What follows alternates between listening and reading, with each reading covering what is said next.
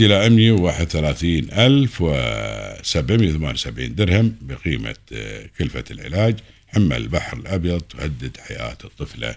لين الله يسلمكم هذه منشورة آه، مشكلة اليوم خضعت للعلاج بالحبوب لمدة 18 شهر ولم يستجب جسمها لذا وصف لها الأطباء حقنا آه، خاصة.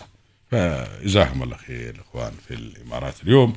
جريدة الإمارات. اليوم اللي يعرضون مثل هالحالات على الناس وإن شاء الله الحمد لله رب العالمين قاعدين محسنين وايد في الإمارات كثيرين من أصحاب الخير يتبنون الحالات هذه.